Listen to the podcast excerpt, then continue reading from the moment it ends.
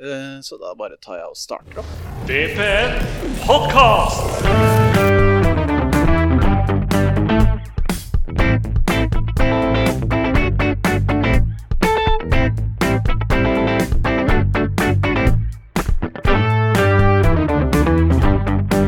Hei og velkommen til Vålerenga på nett sin podkast. Jeg husker ikke hver eneste gang jeg starter opp dette her, så har jeg glemt hvilken episode det er. Sesong 3, episode 2 tror jeg vi er på nå.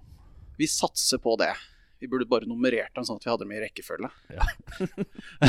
Den andre stemmen dere hørte der, var, eh, var Fredrik Lading, min eh, vanlige makker. Hei, Fredrik. Hei, Eivind. Hvordan går det med deg? Det går bra. Kommet meg ut av koronasøvnen. Ja. Til eh, hverdagen. Tatt ut sykkelen. eh, alt det som hører våren til, og gleder meg til eh, seriestart. Gleder deg til seriestart. Ja. Du gjør faktisk det. Ja, jeg gjør oppriktig det. ja, ja. Det er vel eh, Hva er det jeg fant ut av? 17 dager til damene starter, og 29 dager til herrene starter. Så bra. Ja. Ja. Eh, gleder meg til å se uh, Vålerenga spille på begge. Uh, lurer på om jeg skal dra og se på Molde. Oi, oi, oi. Tør du? Nei, jeg er litt usikker, da. Det er det dette med, med, med fingeren.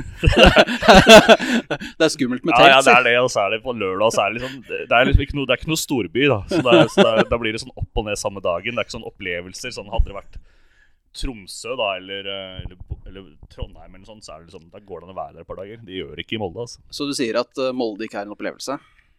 Det er ikke det. Ikke en positiv, der- i hvert fall. Jeg har vært der i tre timer en gang. Ja, ja det holdt. det holdt så masse. Vi har en gjest. Det har vi. Det har vi. Vi sitter og har, er fysisk til stede sammen med gjesten, så vi satser på at ingen av oss er sjuke, sånn at han liksom vil bringe smitte videre inn, og så ødelegger vi ting. Jeg føler meg veldig bra. Det er bra. Det, er, det gjør jeg også. Supert. Eh, eh, Jørgen Ingebrigtsen. Ja. Sportslig leder, er det riktig tittel? Ja, det er riktig tittel. Ja. Velkommen til kontoret. Jo, takk. Det, Takk, takk. det er stort og flott. Ja, takk for det. eh, hvordan har du det? Er det bra? Jeg kom akkurat på at eh, om Molde, da, at Freddy alltid sa at det fineste med, Molde var utsikten. Så, eh, så det er jo litt i tråd med det dere sier der. Nei, jeg har det Jeg har det veldig bra. Ja, ja, men så bra. Hvordan Vi skulle egentlig snakka sammen litt, litt tidligere i denne uka, men da dukka det plutselig opp en treningskamp. Ja. Hva gjør en sportslig leder på treningskamp?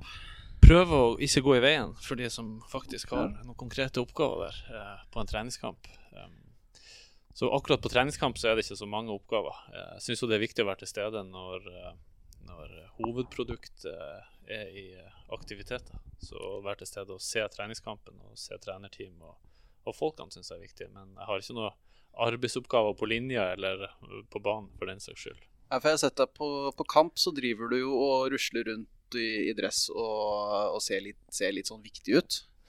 Eh, har, du noe mer oppgaver der, eller er det mer den derre Ja, altså på kampdag eh, Dessverre så har jo det ikke vært helt sånn de siste par årene, men det har jo begynt å åpne seg litt opp. Og på kampdag så er det jo mange gjester. Både holdt på å si sportslige gjester og partnere og sponsorer som, eh, som er viktig å ta seg av og møte. Og, og eh, har også prøvd å og hadde godt øye på hvem som kommer hit for å både se på spillerne våre og scouter fra andre klubber, og også er det en god anledning til å snakke med agentene til de ulike spillerne Mm. når de er her, sånn at uh, bruker tida litt effektivt. Ja. Hvordan er det med disse klubbene som kommer, kommer hit? Er det, er det mye forskjellig som kommer og ser på spillerne våre, eller er det Ja, det vil jeg si. Det er hele kontinentet representert. Um, så um, de aller største klubbene har jo dedikerte folk kanskje til Skandinavia eller eh, til og med til Norge.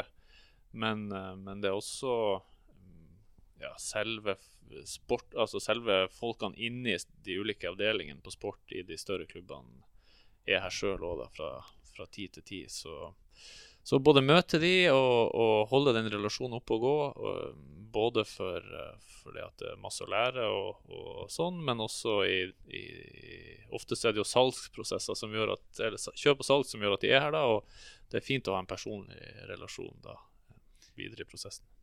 For, for det jeg alltid har litt lurt på, er hvordan dette her fungerer. Vi øh, leser jo fra vår, vårt fra vår side, da, så Mm. leser vi jo mye om eh, at eh, agenter og speidere fra store klubber Ja. kommer og ser på spillerne våre. Ja. Og det blir gjerne sånn Å, nå har Manchester United vært her og sett de vil kjøpe Osame. Ja, ja, Ja, men, altså, det, altså, det er jo er, altså, er de her på regelmessig basis? ja, Ja. det er det. Så f.eks. med Manchester United så, så har de jo en som er veldig flink til å reise rundt i Skandinavia og er på mye kamper i hele Skandinavia hele tida. Og vi som er Oslo-klubb, er jo sånn relasjonsmessig med de større klubbene heldige, for det er jo veldig enkelt å komme seg til Intility fra, Mm. fra Gardermoen. Og Mm. eh, hvis, vi, hvis det er kamp mot de bedre lagene, eller eh, for så vidt hvis det er interessante spillere på de, de lagene som ikke er helt i toppen, så er de veldig ofte her og ser på det. Og da er det nyttig å ha en god kontakt og connection med de. da. Så det at, eh, det at Manchester United der er og ser på, ser på fotballkamp, er nødvendigvis ikke en nyhet. Nei, det er ikke en nyhet i det hele tatt, dessverre. men, men det er jo veldig artig at eh, Eller artig og artig. Det, det, jeg tror det er, det er nok veldig nyttig for de å ha kontroll på markedet. Og de, det er jo ikke lenger sånn at Manchester City er Manchester City. Manchester City er jo mange klubber, et helt stort nettverk. Og det er klart at når de har en på stadion her, så er det ikke City sitt A-lag bare som er interessert i den rapporten. Så, så ja. eh, det er ikke noe stor nyhet, men, eh, men det er jo fint at de kommer og ser på oss. Det var egentlig akkurat det vi trodde. vi, så, vi kjenner jo fotballpressen i Norge.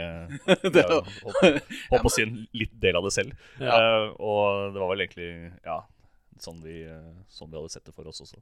Ja. Det er gøy å skrive om, da, ikke sant? når de store klubbene kommer og ser på Ja. spennende spillere. Det var jo den, den eh, mest, det mest interessante besøket som gikk helt under radaren, eh, var jo i prosessen med salget av ei uke, da, sommeren 2019. Så var jo Neil Lennon her sjøl fra Celtic og satt sammen med meg på tribunen og så på Chidi. Han syntes ikke at Chidi var god nok. Nei. Eh, det kan jo hende at han hadde tenkt om igjen på det hvis han fikk sjansen, men akkurat da syntes han ikke at han var god nok. Eh, men det var det ingen som fanga opp, fordi han er jo ikke noe kjent fjes. Så det er klart at eh, ja, det har vært alt fra helt ukjente unge speidere fra klubbene til manageren til laget. Ja. Ja, det hadde kanskje vært noe annet hvis man hadde sett, sendt Solskjær eh. Det hadde nok blitt lagt merke til. Han har et ansikt som er lett gjenkjennelig. Ja, Og så er det vel fra han lander på Gardermoen til Solskjær har landet, og så tar vi det derfra. Nå er han på vei. Hvor er han på vei? Nå kommer han kommer inn på Intility Stadion, så tror jeg det hadde stått sånn 500 i pressekorps og ønska han eh, lykke til. Ja, ja. Men hvordan er det å være sportsdirektør eller sportslig leder, da? Er, er det det samme? Altså sportsdirektør og sportslig leder, er det liksom det samme, eller er det noe sånn vesensforskjell? Ja, kanskje direktør høres finere ut, jeg vet ikke. Men eh, jeg har ikke vært så opptatt av den tittelen, kanskje. Som person er jeg kanskje ikke så opptatt av akkurat det. Men um, det som ligger i sportslig leder her hos oss, i hvert fall, handler om å ha ei hånd over hele sport som avdeling. eh, og de to underavdelingene på sport, U og A. Så i sportslig leder i, i Vålerenga så, så har man da et personalansvar for alle på sport. Man har et ansvar for sportsadministrasjon og økonomi, kall det det. Eh, man har et ansvar for å følge opp og være vokteren den, over den strategien som styret har bestemt at man skal ha i, i denne perioden. Og man har et ansvar for, sammen med hovedtreneren for å kalle det avdeling A-lag og utviklingslederen for uh, U-avdelinga på uh, spillere inn og ut. Så det er jo liksom de fire hovedområdene, og de tror jeg kanskje er, er i både sportsdirektør og sportslig leder og sportssjefrollen, uh, uavhengig av hva det heter. Eh, Hvordan var det å gå fra å være altså, fysio til å bli eh, Ja, jeg, så det spørsmålet der. Der må vi jo rette på premisset først. ja, det er jo eh, Det er ikke noe i veien med å være fysio, og, og vi har to superflinke fysio her og to veldig flinke U-avdelinger, men jeg har da aldri vært fysioterapeut. Jeg har doktorgrad i, i fysiologi um, og har Uefa A-lisens som fotballtrener, og kombinerte de to til å være en uh, fysisk trener i fotball, eller en fotballtrener med ansvar for det fysiske. Um, så når jeg, når jeg gikk over fra det som het fysisk trener, da, for å kalle det enkelt, eh, i mellom 2017 og 2018-sesongen. Her, eller utover høsten 17-sesongen, egentlig, da, altså formelt fra 1.12.17, så var det egentlig ikke så veldig nytt. Jeg hadde jo vært i Drammen noen år og jobba veldig tett med Jostein utover min periode i Drammen. Så både rundt spillelogistikk og drift av laget, A-laget, og, og også etter hvert med litt ansvar på budsjettet rundt A-laget der, da. Så det var kjente oppgaver, selv om det selvfølgelig ble et større ansvar som fulgte med å formelt sett ha rollen. Så, ja. For det tror jeg kanskje er en del som ikke har blitt kommunisert ut så mye blant i hvert fall supporterne. da. nei. At du har eh, At du både har hatt den, den bakgrunnen, og at du har altså jobba litt med det området. Nei, det kan godt hende. Det er jo um, Det er jo folk som er mer opptatt av å vise frem CV-en sin enn jeg har vært. Og, så det får nå den enkelte tenke på uh, hvor viktig det er eller ikke viktig det er. Jeg har vært mest opptatt av å gjøre de oppgavene som lå i jobben. Altså.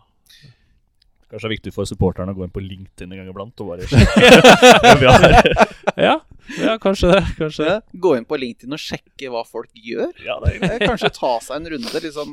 Det er jo litt trist da hvis det er noen som har eh, Som ikke har oppdaget LinkedIn-profilen sin på en liten stund, f.eks. For eksempel, og fortsatt står så oppført som et eller annet trener i Lyn, og så begynner man å Ja, hva er det som skjer her, egentlig? Eller eh, sånn kassa på Rema eller et eller annet. Hvordan da, da er jeg sportsleder i Vålerenga.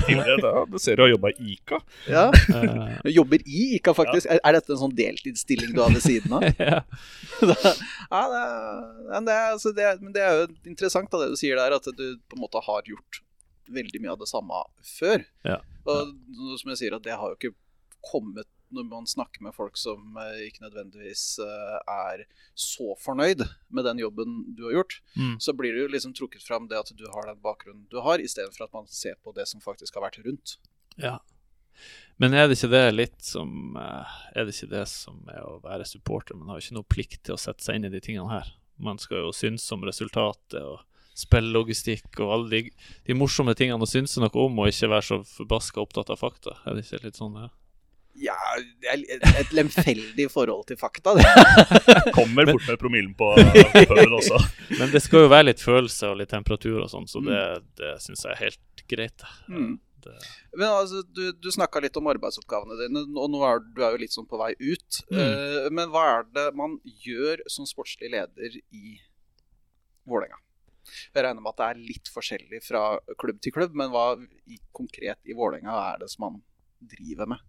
Ja, det er jo eh, Ja, det er jo de fire, fire hovedområdene som jeg var innom i, i sted her, da, som er liksom sportsadministrasjon og økonomi, personalansvar, derav også ansettelser, eh, og heldigvis ikke noen avsettelser så langt, men, men jeg hadde jo hatt ansvar for det òg, Mm. i så fall. Um, eh, strategiansvar, eh, og liksom følge opp styret sitt eh, oppdrag til klubben, eh, administrasjon og på sporter, og spillelogistikk.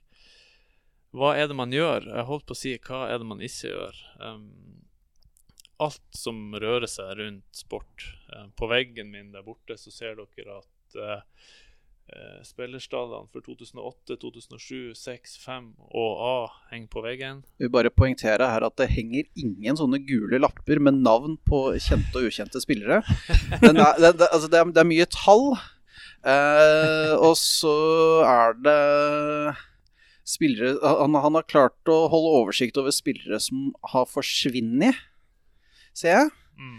Og så er det Og så har han skrevet opp uh, terminlista, samt at det er en litt sånn oversikt over, uh, over lag. Og så I tillegg til at han har, har drakter hengende på veggen her, da. Så det er litt Til alle som hører på, jeg må beklageligvis si det at det er ikke noen store sånn der eh, breaking news vi ser her, altså. Og pølsepapiret er krølla og lagt i, Ja. i Så det ikke noe Jeg vet ikke hva Skrivebordet er ikke akkurat av mahogni heller. Nei. Ja, det er et eh, Så helt. Stødig, godt eh, hev- og senkbart skrivebord Ja, ja, ja. Det er ikke så ofte jeg hever det, men Nei, du, du, du sitter, liker å sitte litt sånn bedagelig jeg sitter litt bedagelig lavt der. Ja. Men det, det, det høres riktig ut, det, altså.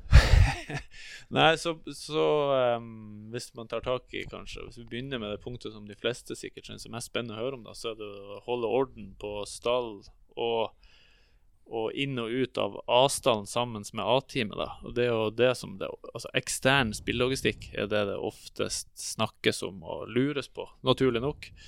Um, så det er en, en del av jobben, men også intern spillelogistikk er en veldig viktig, og har vært en veldig viktig del av jobben disse årene, gitt det, ja, det oppdraget som styret ga oss da på slutten av 2017 og inn i 2018. Så vi, har jo, vi sitter jo i dag med en, en avstand med 12 av 24 eh, er Oslo-gutter som kommer gjennom eget akademi. Um, og på toppen av det så har vi tre 2006-ere som trener fast med A-laget, som også er ja, Stor-Oslo-gutter, i hvert fall, da, med Hamme Kjeldsen eh, fra Bærums Verk og Max Bjurstrøm og Jonas, Jones El Abdelawi, som er fra ja, rett i nabolaget her, egentlig. Så, så intern og ekstern spillelogistikk eh, for, å, for å holde oss på sporet av eh, Oslostallen og Oslo-laget og Oslo-guttene og gi dem mulighet til å komme frem, har vært en veldig viktig del. Det var veldig gledelig. Vi hadde et uh, todagers besøk av NTF, som er her for å klassifisere oss igjen i akademiklassifiseringa. Vi har jo hatt tre år med fem stjerner nå, eh, og var jo det beste akademiet ved forrige korsvei. Det var vi veldig glad for, og det var og er et satsingsområde. Men, eh, men uh, tilbakemeldinga fra NTF og objektivt sett så har vi da klart, klart best på bruk av klubbutvikla spillere de siste 36 månedene, som er deres måleverktøy. da.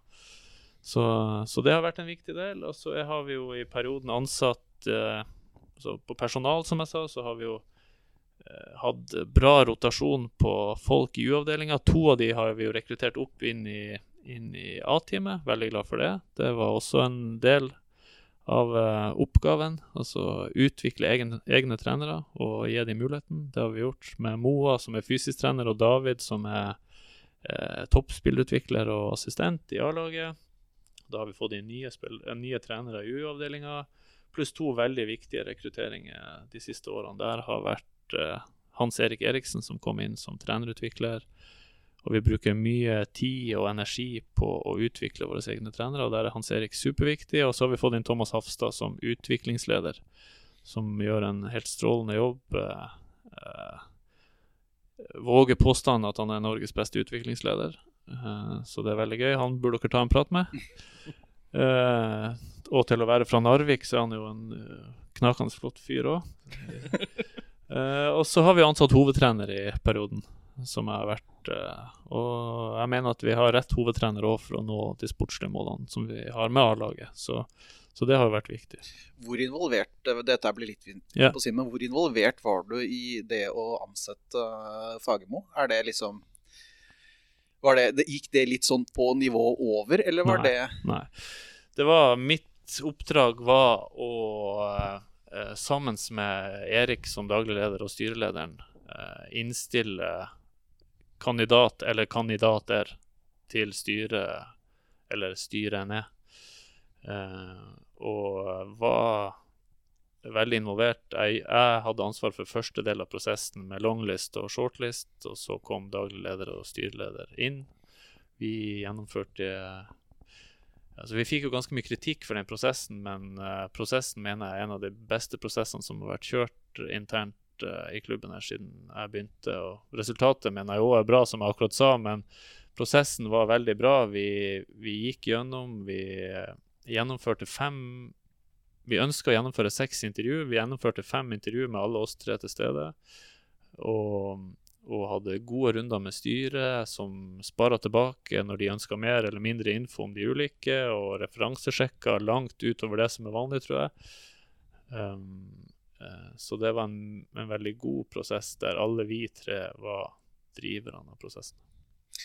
Er det jeg, jeg, jeg, og jeg, nå, nå spør jeg fordi jeg er skikkelig nysgjerrig. Ja. Var det noen sånne der, Hadde det liksom sånn der, virkelig sånn stor trener, sånn litt sånn stort navn i Norge utenom de norske trenere, som liksom dere liksom kunne kanskje få tak i hvis dere hadde strukket dere litt ekstra? Hmm. Jeg ville sagt det på den måten at um, og dette skal ikke bli så kjedelig som det høres ut fra starten av, men eh, altså, en av oppgavene mine var jo òg strategi, å holde tak i strategien. Og klubbstrategien lå veldig klart til grunn for det som skulle være beslutninga til slutt. Vi skulle ha en trener som hadde lyst til og var villig til å bruke disse ungguttene som kommer opp, som henger på tavla der, og som det nå er tolv av i avstanden. Eh, og da eh, gikk vi bl.a. på holdt på å si CV på det punktet. Mm. Men det var utrolig mange gode og mindre gode forslag fra fjernt og nær, og trenere som har trent større lag, eh, og trenere som trener store lag i dag, som var på det tidspunktet ledige. Eh, men så er det jo sånn at eh, faktisk ingen av de var helt inn på shortlisten og på intervjurunde, fordi vi mente at det kryssa med klubben sin strategi. da. Så, så ja, innspilt, men ikke intervjua. Eh, De nådde ikke opp, rett og slett. Spennende. Da er det bare å begynne å spekulere, da. Hvem tror du, Fredrik, hvem tror du var, eh, var, på, var på blokka sånn i starten? Ole Gunnar. Ikke si det, da. Nei, jeg veit ikke. Jeg, vil, jeg vil slenge innpå litt sånn eh, litt, litt sånn morsom Altså Ove Røsler. Nei, Hvor sterk CV har han på bruk av unge gutter? nei, det er, nei, dette her Jeg går først, først og fremst på navn, ja. Var Navn jo og, vi var skeptiske til Fagermo, det må vi jo si. eh, fordi han var, er Fagermo. Ja, ja. Eh, men jeg tror vi har vært enda mer skeptiske om å ha vært Ove Røsler. Faktisk. ja, jeg vil også påstå det. det hadde, Ove Røsler tror jeg hadde vært en, uh, vært en hard kamel å svelge. Og jeg er veldig glad for at det ble Fagermo. Når Ja. vi begynte å nærme oss, vet du, så, uh, så involverte vi jo også Erling Rostvåg, eller Ja, ja. eh, Ja. flere rundt han, da, og spurte hva tenker dere om kandidaten. Ja. Og, eh, og det var jo eh, Begrepet det er vel Så lenge han er vår drittsekk, så er det greit. Jo, men det, er en, det, er- det syns jeg er en god, god holdning. Så lenge han er vår drittsekk, så er det greit. Man er en Altså, jeg har gått fra å være, være skeptisk til å elske fyren. Liksom. Ja, ja, helt nydelig. Det er helt nydelig. Eh, hvordan er det å jobbe med Fagermo kontra Deila? Eh, på mange punkter veldig likt. Um, et, kanskje det som ikke så mange vet, er jo at de holdt på å si sprang ut, eller i hvert fall vokste fram som trenere i Telemark på ca. samme tid med samme gjeng med de to, Arne Sandstø og Bård Borgersen, og en sånn eh, bra faggjeng rundt dem. Og, Så- En, en, en slags sånn Telemarksskolen? Ja, kanskje Telemarksskolen. Og det er mange sterke folk som har vært rundt dem når man begynner å skik eh, liksom skikkelig gå inn i, i hvem de var sammen med og satt sammen med den tida der. da. Så på fag har de veldig mange like ting, da, rent fotballmessig. Så er det litt sånn ulik tilnærming på, um, på hvordan de jobber én til én, eller én til gruppe i kommunikasjon. Um, ja, så, så det er liksom likheter og ulikheter. Veldig bra eh, mennesker, begge to. da. Veldig bra typer. Nå gikk, altså, og Deila gikk jo inn i City-systemet. Det er, har han drevet og sendt noen uh, speidere som, som du veit at her, har, her er det Ronny som har tipsa Nei, han har ikke det. Um, I City-systemet og hos Ronny så er det jo et, en helt annen struktur og en helt annen ja, tilgang på ressurser til å gjøre disse bestemmelsene. Og jeg var en gang såpass heldig at jeg fikk kommet inn i det som de omtalte som dark room da på, på, på treningsfeltet til City. Og da, da sitter man da og ser kamper fra alle tidssonene. Så det er folk 24-7 der inne som ser kamper i alle tidssoner og får alle klubbene. Så vi satt midt på dagen og så kveldskamp i Australia og, og formiddagskamp i andre tidssoner, pluss at de så sine egne. og kunne veldig godt eh, referere til både Obo-spillere og eliteseriespillere hos oss i Norge. Så, så de har full kontroll. Og så var det da eh, opp til den gjengen som satt på dette rommet her da, med oversikt for City Group sin, sin oppgave å sende ut og sortere ut til de ulike klubbene som er under dem, da, på hvor de kunne passe. Noen kan passe til Australia. Vi hadde jo noen som gikk fra Norge til Australia, f.eks. Det var nok deres verk der, og så da blir det da feeda videre til klubben i Australia. Noen, eh, Malte Amundsen var i Rosenborg, så i Danmark, så i New York City. Så liksom de har kontroll på, på hele, og så vurderer de nivåene opp mot hverandre og sender de ut der de skal. Så jeg tror Ronny har en veldig liten rolle i i hvert fall i første fase av eh, å komme frem til navn. Og så har nok han som alle andre hovedtrenere en viktig saying liksom, i beslutninga. Jeg ser for meg, nå ser jeg for meg sånn et flytårn. Hvor det er Ja. masse skjermer, så sitter det en haug med sånn fotballnerder på et bånd. og Bare ser kamper hele dagen, sånn som zombier. Jeg tror det, er, det, det er, høres ut som en, en jobb som Da må du være veldig interessert i fotball for å, for å klare den. Det oppleves sånn. Og da har de jo da selvfølgelig folk plassert ut i, i alle land, og de kommer da inn på faste tidspunkt gjennom uka og rapporterer sine holdt på å si treff da, treffpunkt, og får de da fysisk inn og um, for å eh, fortelle om hva de har sett live. Så Veldig industrialisert, da. Det er litt Ja. da. Ja, Det er kjempestilig. veldig stilig og veldig inspirerende. da. Veldig gøy å være der og se. De bygger sine egne algoritmer for å plukke ut de tingene som de syns er viktig, og har de flinkeste datafolkene i, i, i verden sitter og jobber for dem for å, for å gjøre disse tingene her. Så veldig gøy å være der. Det er egentlig det jeg tenkte på også. Jeg har jo litt, eh, litt peiling på datamaskiner, i hvert fall. Eh, at dette er sånn, sånn AI-jobb, egentlig. Ja. eh, som rett og slett skanner fotballkamper og ser etter mønstre og Absolutt. Ja, ja, ja. I høyeste grad. Betyr det at man kan eh, ta og sånn i den, I den startfasen av sånne ting så kan man begynne å fjerne, fjerne folk og bytte dem ut med roboter? Ja, det vil jo, jeg vil jo tro at dette er en sånn type jobb som kan bli bytta ut av roboter etter hvert. Ja, og da er det jo da er det jo Det åpner jo Eller demokratiserer jo fotballen litt, da. Etter hvert som folk kan få tilgang til de systemene her uten å nødvendigvis ansette masse folk og styre. Så da vet dere det, alle speidere. Etter hvert så blir jobben deres tatt over av roboter.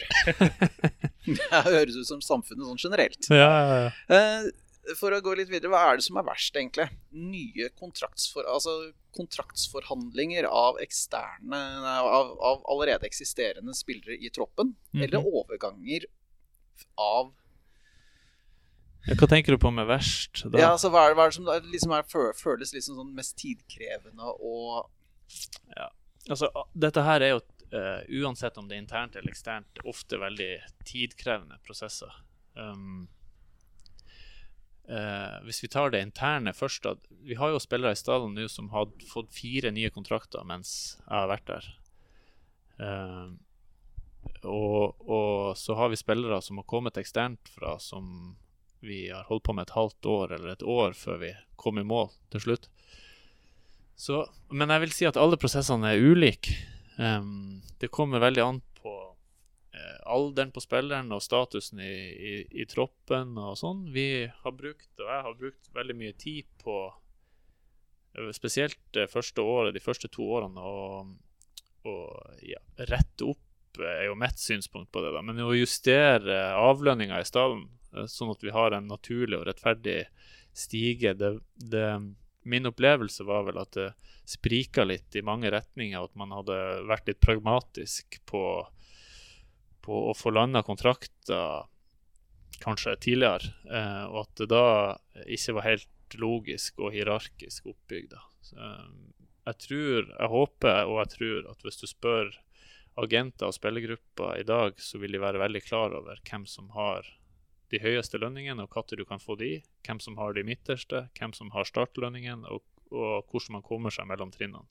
Og Det har jeg brukt litt energi på, og det gjør at disse prosessene nå er ganske mye enklere.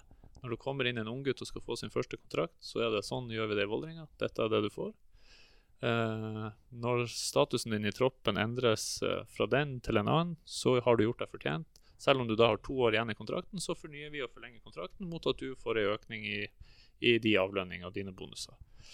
Uh, det har jeg opplevd at det har blitt tatt godt imot. At man respekterer det på en god måte, og da skaper man mye mindre rom for kall det forhandling òg, da. Uh, for da vet man at, eh, at det er forsøksvis så rettferdig som vi klarer.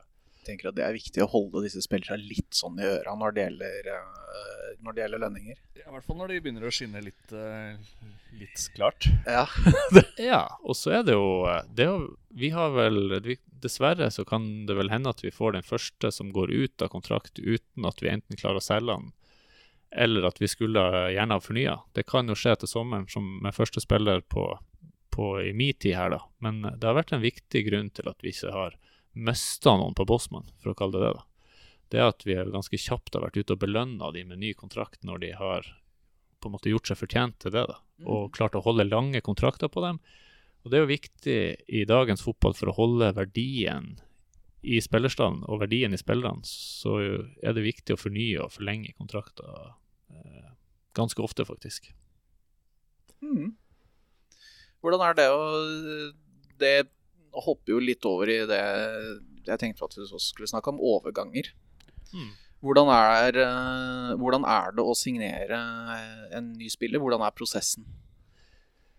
Ja, som jeg var innom, så kan det ta kjempelang tid, og det kan være gjort veldig fort. Um, prosessen med Hvem er siste inn her? Taofik fikk sist inn her på lån ut uh, første halvdel av sesongen. Den er jo egentlig veldig lang, men konkret veldig kort. Altså, jeg hadde Tafik uh, og hans agent på eh, med, med, god dialog rundt Tafik og agenten siden han eh, hadde spilt et halvt år i Skeid. Jeg så han mange ganger når Skeid spilte hjemmekamp her på en tidlig Um, har dialogen med agenten hele tida. Agenten var senest sammen med en av sine samarbeidspartnere og en annen eh, klubb faktisk inne på mitt kontor eh, når vi spilte mot Fredrikstad treningskamp i første uka i september i fjor. Der vi diskuterte liksom hva er veien videre, og hvor ser dere han nå det neste halvåret, og hvor er han på tur, og hva tror dere det kommer til å koste, og sånn. Satt vi her eh, en times tid og diskuterte det. Eh, sånn at eh, både agenten og spilleren har nok kjent til at vi har hatt et øye på spilleren. Eh, når saken kommer opp eh, to-tre dager før overgangsvinduet stenger, så tar det jo bare de to-tre dagene før Mm. vi er blitt enige om at vi skal låne han et halvt år. Fordi vi tenker at vi kan ha nytte av om det skal spilles 16 kamper frem til 1. juli. Ja. Så vi kan ha god nytte av, uh, av en spiller til de 16 kampene. Uh, så da er det ganske kjapt å bli enig, og da er det jo bare egentlig papir, hastigheten på papirarbeidet som begrenser når det blir klart. Hvor alt sprinteren er. Ja, rett og slett. Rett og slett. Så, eh, så, men prosessen frem til at agenten ringer og spør kan dere være interessert, det byr seg en mulighet til å låne han et halvt år, den er jo to år, Mm. to år lang. Tar, tar litt tid å bearbeide Ja, Ja. det gjør det. det, gjør det. Er, Har du noen eksempler på spillere som har glippet for oss? Altså sånn Mm. Nå tenker han veldig hardt. Ja, prøv å tenke på noen som har eh, Glippe Ja um, Altså, vi har jo ikke de jeg prøver å tenke på de, de, Gjennom de årene som har gått, så har vi jo blitt gradvis uh, sterkere i overgangsmarkedet. Um, det blir jo sånn der um, at man forteller en historie man har lyst til å fortelle, så jeg skal passe meg for det, da. Men, men uh, de facto er jo Altså, faktum er jo at vi måtte ha tilskudd fra eierselskapet på 25 millioner i året fra 2018 og, og bakover i, i tid. Og så bestemte styret i 17-18-skiftet der, nye strategiplan, at vi skulle forsøke å komme oss ned på null, og kanskje til og med lage en skape litt egenkapital. Så midlene til rådighet på spillemarkedet har jo eh, Vi har ikke vært konkurransedyktige mot Molde og Rosenborg, og, og for å ta to eksempler på klubber som har vært oppe i toppen hele tida. Så da har mange glept pga. at vi ikke har hatt Altså, vi har bare vært med i prosessen og sånn Nei, der røyk han, for det, det har vi ikke råd til. Det går ikke.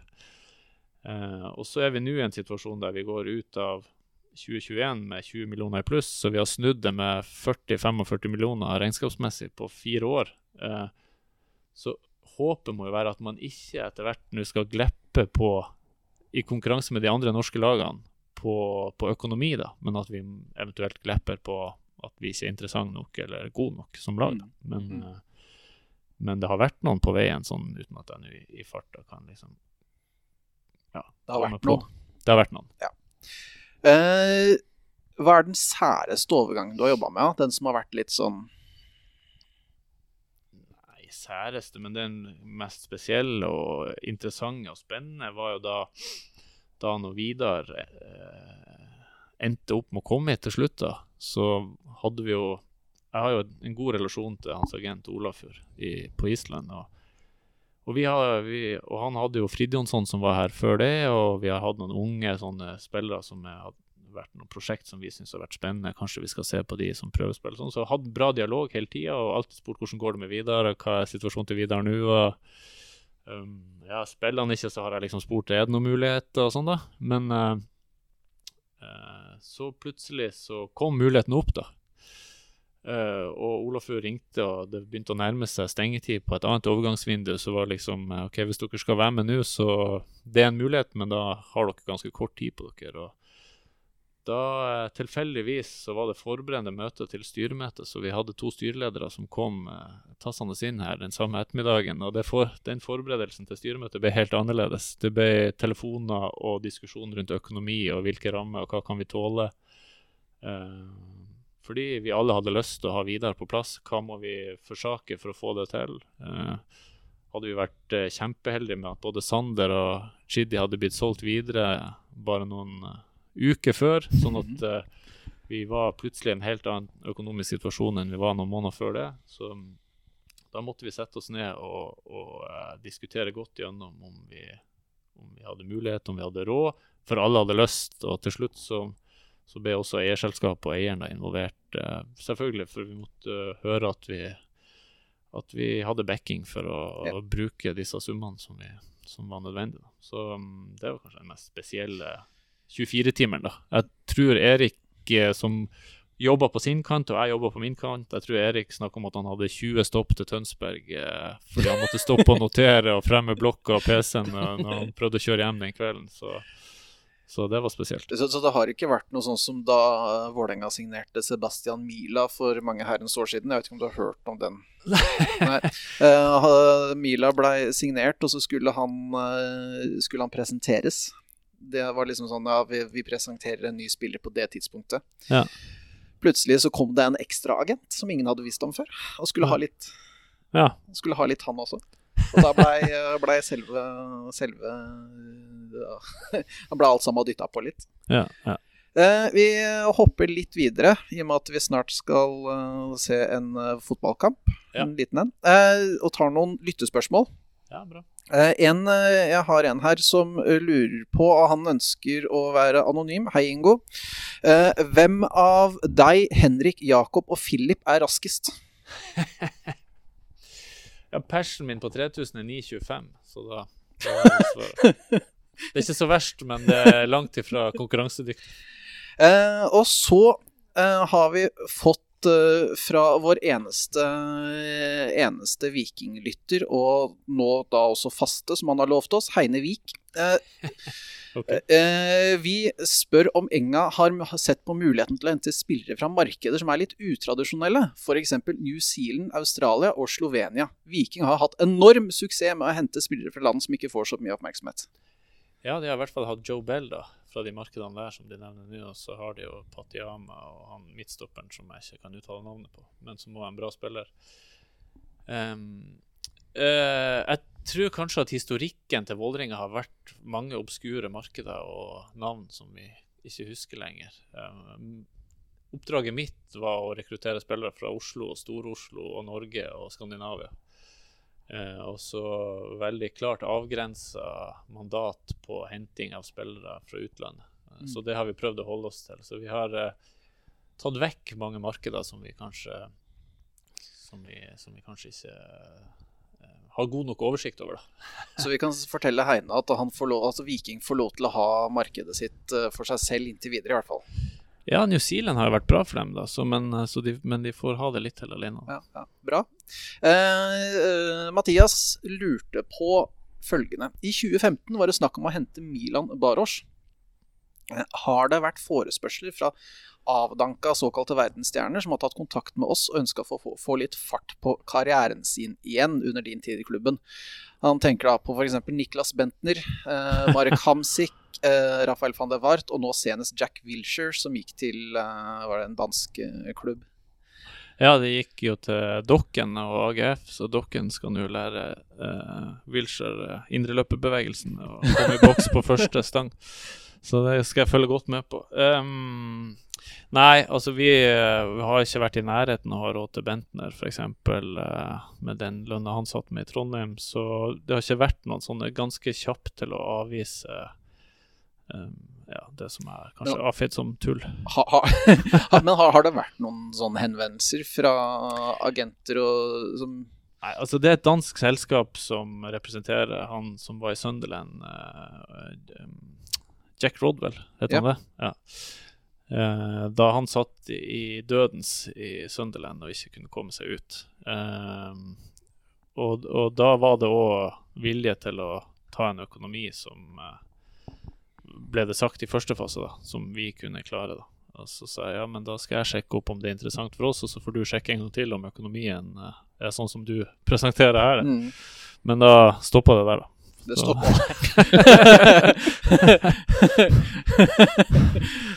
så uh, det er ofte at innsalget er bedre enn uh, varen. Ja. og så vi, ja. vi droppa det. så det har ikke vært noe sånn Henke Larsson som har drevet klora på døra og skal inn? Nei. Nei. Det har, det er, det er, jeg merker at det er litt kjedelig, men det er også litt sånn betryggende. ja, altså det har jo Altså, det er gøy med stjerner, men ikke fallende. Nei. det er det gøy, men det er det morsommere med de som er på vei opp. Ja, enig. enig. Eh, så har vi eh, Det er en som lurer på at vi har tilsynelatende endra kurs. At vi begynte med å endre kurs under Deila at uh, hvorfor gikk vi fra å hente lokale spillere med kvalitet, som, de, som man skriver her, til å hente spillere som Mayron George og Per Kanstrup, som virka litt sånn litt sånn nødløsninger. Ja.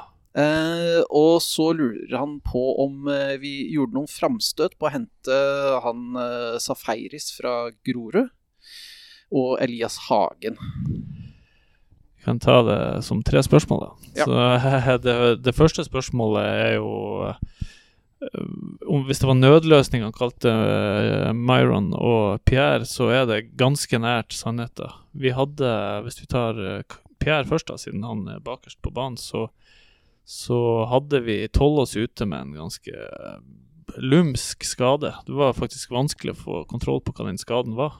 Og det var også helt uklart for oss hvor lenge han kom til å være ute. Uh, I beste fall så kunne han være tilbake til nyttår, hvilket han jo uh, kom tilbake til nyttår. Eller så kunne det være lenger enn det. Så vi så etter en spiller med, ja, på Jonathan sin alder, med erfaring og uh, ja, noen år på baken inn i en ganske ung stall ellers. Og vi hadde forsøkt oss ett og et halvt år før på Pierre, mens han enda var i Danmark før han reiste til Tyrkia, så vi visste ganske mye om hva han sto for som menneske og type. da. Eh, så når vi fikk muligheten til det, så var det et halvt års løsning. Det var aldri snakk om noe lenger enn det. Så kall det en nødløsning. Når Mayron kom inn, så kom han inn for Chidi, som dro, da. Vi trengte mer skyts foran eh, på høsten. Det var egentlig aldri snakk om noe mer, for vi hadde noen unggutter som kom bak som vi hadde tro på.